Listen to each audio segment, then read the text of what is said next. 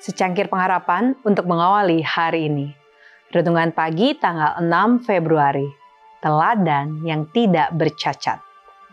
1 Yohanes 2 ayat 6 berfirman, Barang siapa mengatakan bahwa ia ada di dalam dia, ia wajib hidup sama seperti Kristus telah hidup.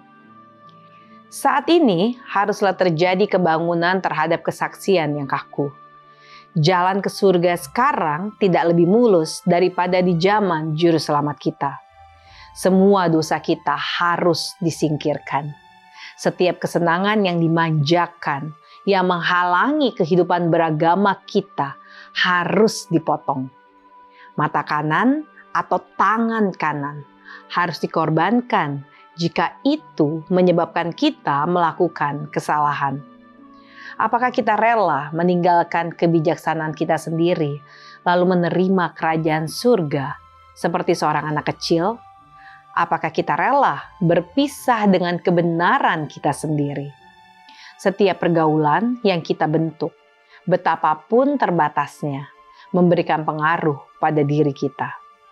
Sejauh mana kita menyerah pada pengaruh itu akan ditentukan oleh tingkat keintiman keteguhan pergaulan, dan kasih, serta penghormatan kita kepada orang yang bergaul dengan kita.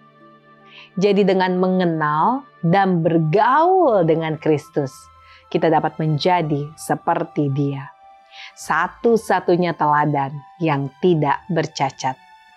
Persekutuan dengan Kristus sungguh tak terkatakan betapa berharganya. Persekutuan tersebut adalah hak istimewa kita untuk menikmatinya jika kita mau mencarinya. Jika kita mau berkorban untuk mengamankannya.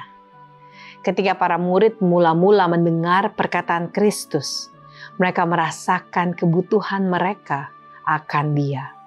Mereka mencari, mereka menemukan, mereka mengikuti Dia.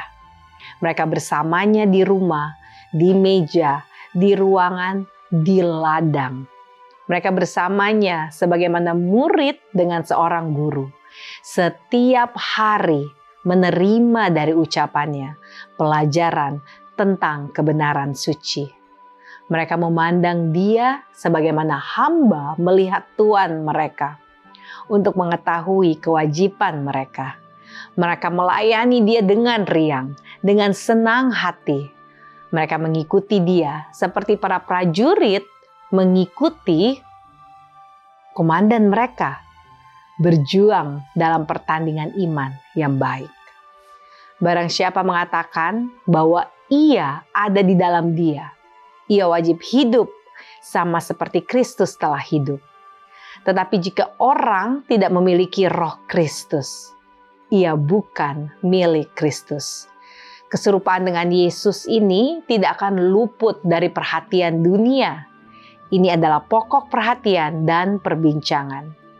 Orang Kristen mungkin tidak menyadari perubahan besar itu, karena semakin dia serupa dengan Kristus dalam tabiatnya, maka semakin rendah hati penilaiannya tentang dirinya sendiri.